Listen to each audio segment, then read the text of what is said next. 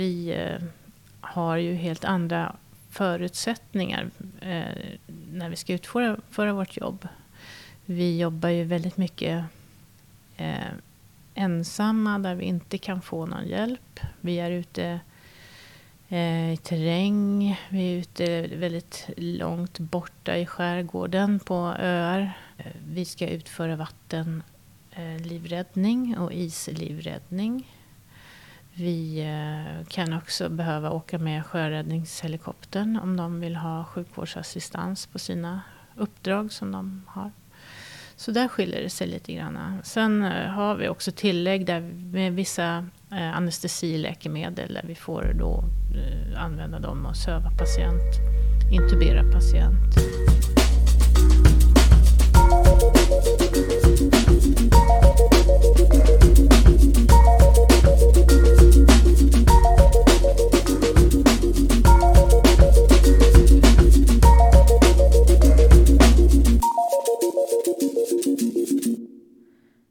Helikopterperspektiv är temat för det här avsnittet, för episod 11. Um, ehm, innan vi ska gå in på det och allt vad det innebär så ska vi snacka lite med er om att vi varit med på Sveriges Radio. ja, precis. Uh, I P4 Stockholm faktiskt. Uh, när var det nu? Var det... det var väl förra veckan och det, vad blir det? Ja, det var förra, förra veckan kanske tror jag. Ja. Jo, det var förra veckan snacka... Ja, men vi i alla fall snackade om vår podd och om anestesisjuksköterskan. Eh, och det var faktiskt kul. Det var riktigt kul. Det är vår första gång vi är med på radio, ja. just med Specialistpodden. Så Precis. det var riktigt kul. Och sen efter det åkte vi till Örebro universitet och föreläste för eh, sjuksköterskestudenter. Och vi har också föreläst på Ersta Sköndal Bräcke högskola för blivande sjuksköterskor. Så, eh, och där pratar vi då också om Eh, bland annat varför och när man ska mm. bli specialist. Vi mm. pratar lite om vår roll som anestesisköterska på ambulansen och eh, anestesin. Mm.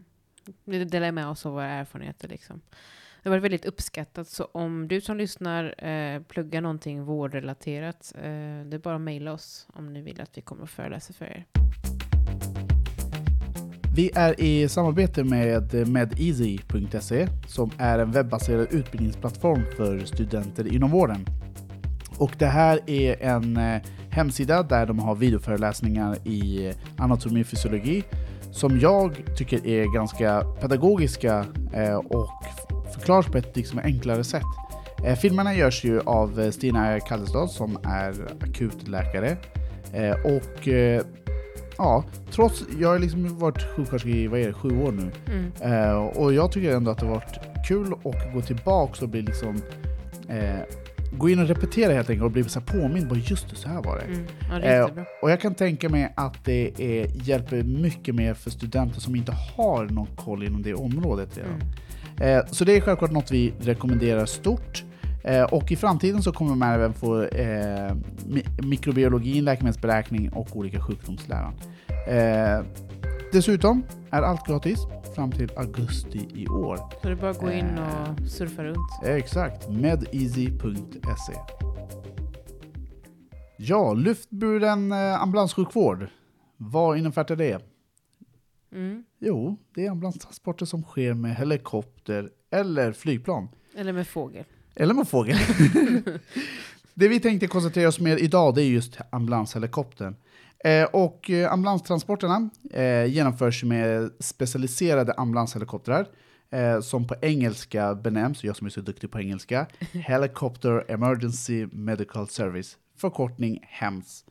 Eh, och det förekommer även att man använder sig så kallade SAR-helikoptrar.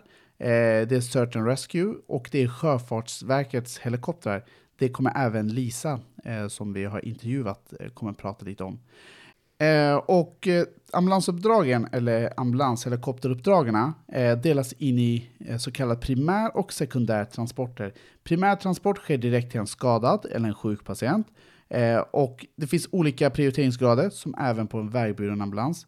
Eh, och det är att prio 1, det innebär livshotande symptom, att man behöver liksom akut eh, hjälp.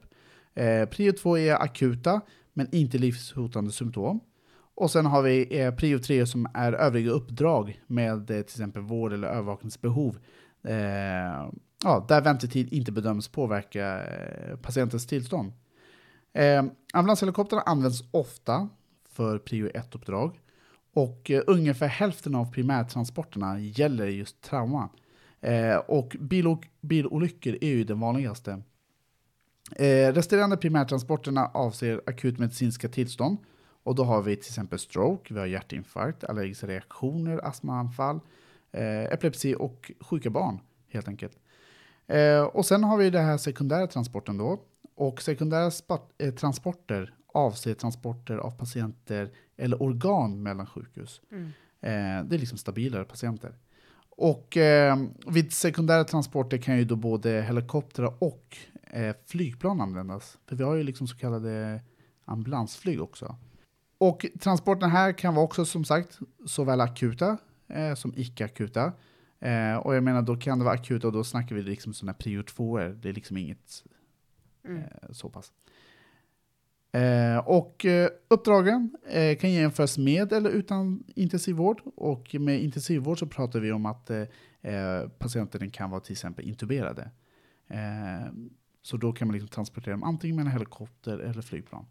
Ett annat intressant som har lite med flygambulans är att i Sverige så finns eh, en eh, katastrofmedicinsk resurs i form av det svenska nationella ambulansflyget och det innebär att eh, flygplan från SAS kan konverteras för att transportera hem personer som drabbats av katastrofer, eh, katastrofer utomlands.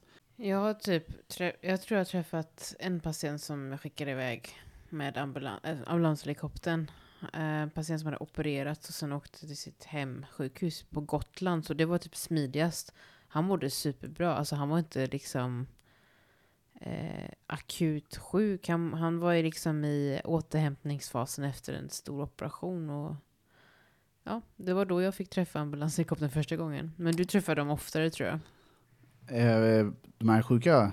Alltså när, när, du kallar, när ni kallar på dem. Liksom. Jo, exakt. Ja. ja Men sen är det klart, på. jag menar, här i Stockholm innerstan, liksom, där har vi oftast eh, akutläkarbilarna som har fått hjälp. Mm. Men är det så att vi behöver transportera patienter bort, till exempel att vi är nere i Södertälje och vi känner att det är världens trafik, att det tar lång tid för oss att ta oss till liksom Solna, då kan vi kalla på en helikopter. Det är den vanligaste gången jag har ringt i alla fall. Mm. Eh, och sen beror det på om SOS i förväg eh, har redan skickat ut ett uppdrag till även helikopter, att vi tillsammans åker på ett larm. Mm, Men då är det ofta stora trafikolyckor med många, många inblandade. Ja, och det, det intressanta är att i Stockholm så är allting så högspecialiserat. Så till exempel när det var en, eh, ett knivdåd utanför Karolinska Huddinge eh, som inte tar emot traumapatienter. Eh, där, där var det en person som blev knivhuggen. Då kom helikoptern till dit och åkte till Solna. Och då tänkte folk, men varför åker de till Solna? Vi har ju ett sjukhus två meter bredvid. men det beror ju på att vi inte har traumakompetensen där. Vilket jag tycker är tråkigt faktiskt med högspecialisering av vården. Att det, tänk om någonting, alltså tänk om det var dåligt väder. Vad hade de gjort då? Då kan de ju inte flyga till exempel. Eller om man har lika kompetens på alla sjukhus så kan ju alla patienter få lika god vård. Men så har det varit förut tycker jag. Mm. Eller jag minns att det var så förut. Men sen den nya NKS, NKS och liksom allt liksom som är så specie, specialiserad har ju liksom hamnat just mm. sådana. Och jag håller med dig, det är lite tråkigt när man jobbar ju liksom på ett sånt sjukhus. Alltså om man inte jobbar på KS Solna och jobbar på ett annat sjukhus, då är det så tråkigt att man inte får de här traumapatienterna. Mm. Mm. Och sen om man kollar på vilka som får jobba i ambulanshelikoptern. Man ska ju ha en pilot, eller två får ju plats. Eh, och sen de som vårdar, det är ju specialiserad personal. Eh, oftast är det en specialistläkare eh, och en specialistsjuksköterska i anestesi. Eh, sen är det lite olika beroende på vart eh, man jobbar, i vilken, vilk, i vilken stad. I, mm. Här i Stockholm och i Östersund och Visby så är det en anestesisjuksköterska som bemannar helikoptern tillsammans med en sån här hemscrew som är en eh, ambulanssjukvårdare. Och då, då gör den personen också assistans till piloten för att kunna navigera och eh, kartläsning och kommunikation och checklister och allt sånt där som är superviktigt med säkerheten i helikoptern. Um, I andra länder som i Norge och Tyskland så har de ju en flygutbildning de här eh, som är eh, crew members. Och då kan de själva liksom nödlanda helikoptern om någonting händer piloten, om piloten kanske får ett hjärtstopp. Men så är det ju inte i Sverige. Det, den personen är mer vårdande och sköter det, alltså inte själva styrningen verkar det som.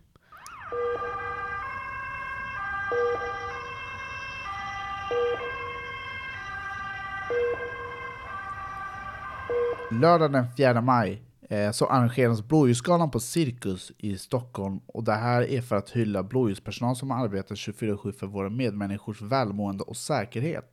Eventet är helt ideellt och arrangeras av föreningen Blåljusgalan med huvudmän från stiftel stiftelserna Mm. Zoni, Blåljus i samverkan och Brandmännens cancerfond. Mhm. Det kommer vara en hel dag med aktiviteter för alla åldrar. Dagen börjar med blåljusdagen mellan 11 till 15.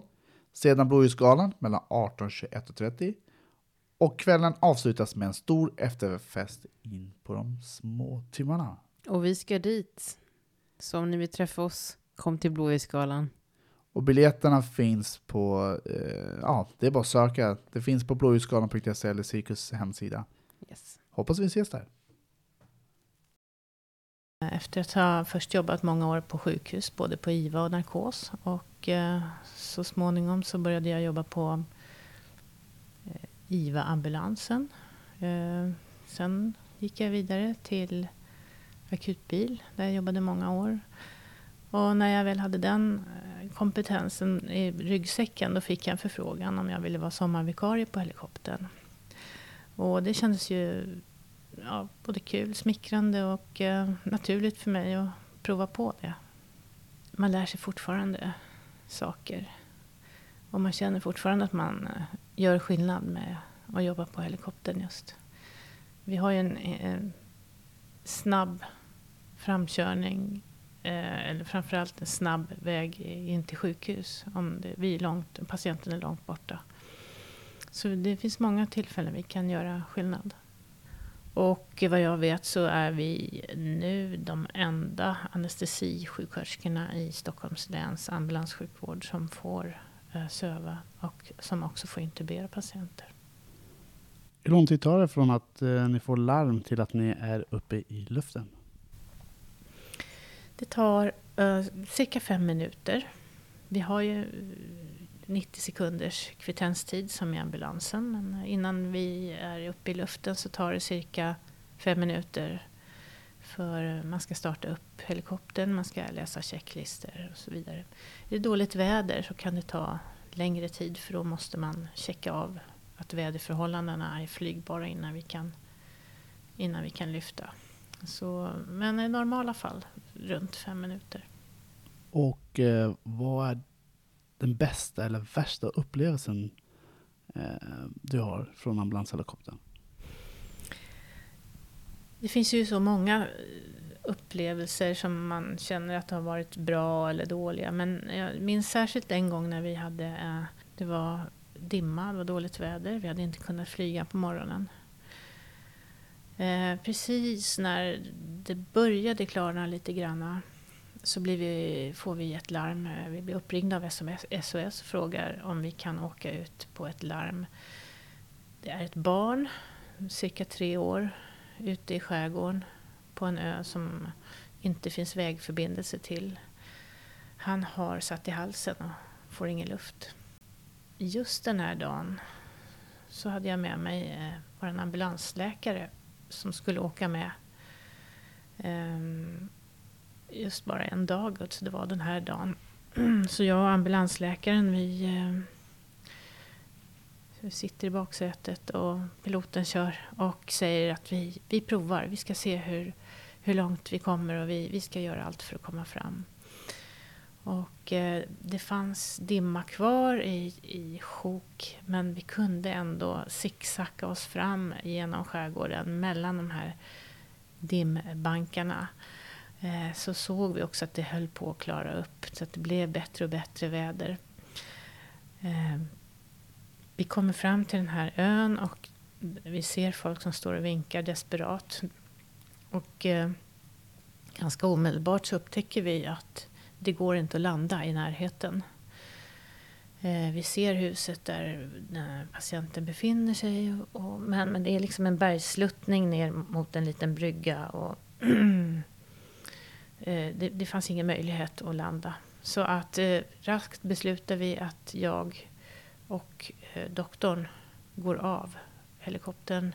I, så, så vi så att säga one skid, att vi då sätter ner den ena med den och att helikoptern eh, eh, balanserar mot berget medan vi eh, då går av. Eh, och eh, sen blir ju de, helikoptern tvungen att åka iväg och hålla sig cirkulerande i luften medan vi då tar oss till patienten. Så när vi väl är av eh, så vi får med oss utrustning och eh, kommer fram till eh, den lilla pojken som sitter på altanen till huset i knät på en av föräldrarna och är alldeles blå i ansiktet. Han får knappt luft. De har dunkat och skakat och bankat på honom och de har inte fått upp den här, då visar sig en liten korvbit som han har då fått på tvären i halsen. Han andas lite granna väsande. Och han är vaken. Så att vi sätter genast på syrgasmasken. Eh, och vi eh, ser att färgen blir faktiskt bättre. Han eh, blir, får inte fin färg men han, eh, det blåa försvinner så att han, det blåa för, omvandlas till grå färg i ansiktet. Och vi eh, beslutar där och då att eh, vi vågar inte manipulera mer med den här korvbiten för vi, eller med att försöka få upp den för vi är rädda att den ska åka längre ner och täppa till eh, totalt i luftvägen. Utan vi bestämmer oss för att vi måste ta honom till sjukhus här och nu i detta skicket. Så länge han eh, ändå blev lite förbättrad och så länge han ändå får lite luft så måste vi eh, ta honom till sjukhus så vi eh, ropar på helikopter som befinner sig ovanför oss i luften att det är jättebråttom och att det är ett barn, dåligt barn och vi har ett luftvägshinder som, som genast måste tas bort på sjukhus. Och nu kommer vi då till manövern att lasta in eh, på samma sätt när då helikoptern får komma och sänka ner sig och göra en så kallad one skid igen. Eh, de kommer ställer sig mot berget, vi lastar in. Och då är pappan med också, så vi har med oss pappan, barnet, doktorn och så var det jag. Vi var fyra personer. Eh, och det lyckas, allting går jättebra. Vi är in i helikoptern och förvarnar sjukhuset, Astrid Lindgrens barnsjukhus. Eh, och när vi kommer fram så äh, står de på en rad och visar oss till en, direkt till en operationssal där de då eh, genast söver pojken och lyckas få upp den här korvbiten som då hade satt sig väldigt illa i halsen. Han blir helt återställd. Och eh, det var oerhört dramatiskt för hade det varit dimma så hade han dött. Vi, eh, hade det varit några minuter senare kanske han också hade dött han inte hade fått syrgas. Så att eh, det var fantastiskt. Och det, det är ett sånt där minne man aldrig eh, glömmer. Det där var Lisa Eriksdotter som är anestesisjuksköterska på Stockholms ambulanshelikopter sedan nio år tillbaka. Eh, och ni kanske hörde att hon nämnde OneSkid under sin eh, under patientfallet. Eh, jag vet ju inte vad det var, så jag bara, vad ska jag göra? Jag googlar och så hittade en YouTube-video när de gjorde en one-skid. Det verkar som att det är när helikopterns ben typ landar lite lätt medan den här eh, rotorn, eller vad den heter, den här mm. grejen är igång. Och då släpper man av eller på passagerare, så den är liksom inte helt stilla. Så det är ganska så här alltså man måste vara med. Liksom. Tänk om du typ slänger upp något och så åker armen av. Men, ja, men, det är men, farligt. Liksom. Ja men exakt. Och dels att du är ändå utbildad på att tänka på det här hur ja. du gör. Men jag menar, om ni hörde på berättelsen, det här med barnet och pappan. Mm. Det, är liksom, mm. det är helt plötsligt två personer till exakt. som de, hon liksom ska, ska hålla vägleda. koll på. Ja, panik. Ja. Eh, sen så sa Lisa lite tips eh, till oss också eh, om vad, vad, man ska tänka på som privatperson när helikoptern är på väg. Tänk om du befinner dig på E4 och du är med i en mm, kollision med 10-15 bilar. Vad ska du göra när du ser att helikoptern är på G? Eh, stå där de som är sjuka eller skadade befinner sig och vinka med någonting färgglatt i din hand. Eh, nu när du är på E4 kanske inte du har en flytväst, men alltså om du har någonting, en handduk, en tröja i något färgglatt material, eller eh, färg, bara upp med armen och vifta tills helikoptern har landat. Och eh, om du typ är i skärgården och det är massa lösa prylar överallt, typ presenningar, ta bort det. För att det kommer bara fastna i den här rotorn och då kan inte de landa. Eh, du ska inte gå runt och fokusera på att hitta en lämplig landningsbana. De ordnar det. Bara fokusera på att vifta och få ner dem till rätt plats. De får själva hitta en landningsplats, så man behöver bara fokusera på att vifta. Um, och som alltid när det är liksom ambulans, oavsett om det är ambulans i, som flyger runt eller ambulans som åker runt på marken, så är det väldigt många som står och stirrar och så här, tar uppmärksamhet ifrån. Så det kan vara ganska förvirrat där uppifrån och se att det är så många som viftar och håller på. Men och det är därför man skulle till exempel använda sig av något färgglatt tyg så att man så att fattar, det liksom, liksom sticker ut från mängden. Eh, om det är mörkt ute, det, det är det ofta här i Sverige, eh, så, och du äger en bil så kan du sätta på varningsblinkersen. Superbra grej, för det syns jättebra uppifrån luften. Eller om du inte har en bil och är i ett hus eller någonstans, sätt på utomhusbelysningen. Eh, och om du som lyssnar jobbar i ambulansen själv, alltså är vårdpersonal, så sa Lisa att ehm, om du märker att det är svårt för ambulanshelikoptern att landa där du är med patienten, transportera då patienten och alltså hela ambulansen såklart då, någonstans i en öppen yta, typ en stor äng eller en parkeringsplats. Um, då kommer den här sträckan mellan dig och helikoptern bli så kort som möjligt för patienten. Annars måste helikoptern landa någonstans och långt bort och då måste de komma gående till patienten och det vill vi undvika. Patienten ska ju snabbt till akuten. Eh, ja, nu har vi kommit till dagens vetenskapliga artikel. Den här heter Rapid Ground Transport of Trauma Patients, a moderate distance from Trauma Center Improves Survival. Och som ni hör så är det en amerikansk studie. Den är inte gjord i Landskrona. Men den här liksom tar upp eh, skillnaderna och, eh, mellan flyga, alltså, flyg, alltså helikoptern och eh, landsburen ambulans. Eh, där har de, man har liksom undersökt on-scene time till emergency department. Alltså den här tiden då man är på plats, på skadeplats och den tiden som man har transporten ända till akutmottagningen. Eh, det är ju livsavgörande för de här patienterna, traumapatienterna. För att det är ju högre chans att patienten överlever ju snabbare hen kommer till sjukhus. Och i den här studien eh, som jag gjorde i USA så tar det ganska lång tid, verkar det som, att samla ihop en helikopterbesättning och sen åka iväg jämfört med en vanlig ambulans. Eh, eftersom man gör sitt jobb på plats och lastar och sen flyger och sen till sjukhuset. Eh, helikoptern används ju mest på, på landsbygden där och utanför storstäder. Eh, för i storstäder så är ju avståndet till traumasjukhuset mycket eh, närmre såklart. Eh, sen finns det tydligen inte några vedertagna riktlinjer där om eh, när patienten, när man vet att patienten är i behov av traumavård eller inte. De riktlinjer som helikoptern har är lite så här baserat på deras tyckanden. Så lite diffust och inte lika så här hugget i sten som det är för eh, den vägburna ambulansen. Eh, det finns heller inget tydligt kriterium på när de ska ringa på helikoptern. Ehm, och när vi pratar om så här moderate distance som de gör i artikeln, det är liksom när det är 45 minuter eller mindre till traumasjukhuset. Det är det de har liksom mätt då. Eh, studien var liksom retrospektiv, så man kollade baks tillbaks i tiden. Så man valde ut patienterna från olika, eh, från ett nationellt trauma, en databank då, som har samlat upp massa patienter som har varit med om trauman. Totalt 400 personer var med eh, som hade drabbats av traumatiskt våld, som de kallar för blunt trauma på engelska. Eh, och för er som inte vet vad det är, eh, jag visste inte heller det. Det var alltså skador mot kropp som är orsakade av till exempel bilolycka, explosion, misshandel med tillhyggen, TBI som är trauma traumatic brain injury som är liksom olika former av blödningar i hjärnan. Eh, och majoriteten av de här patienterna hade varit med om kollisioner med motordrivna fordon. Eh, och, och eh, många var män. Eh, och eh, man undersökte då hur, eh, hur dödligheten var beroende på om man åkte helikoptern eller åkte den vanliga ambulansen som kallas för ground EMS. Ehm, man analyserade och jämförde bland annat patienternas vitala parametrar, alltså puls och blodtryck och andning, medvetandenivå och sen ålder och kön och sådär såklart.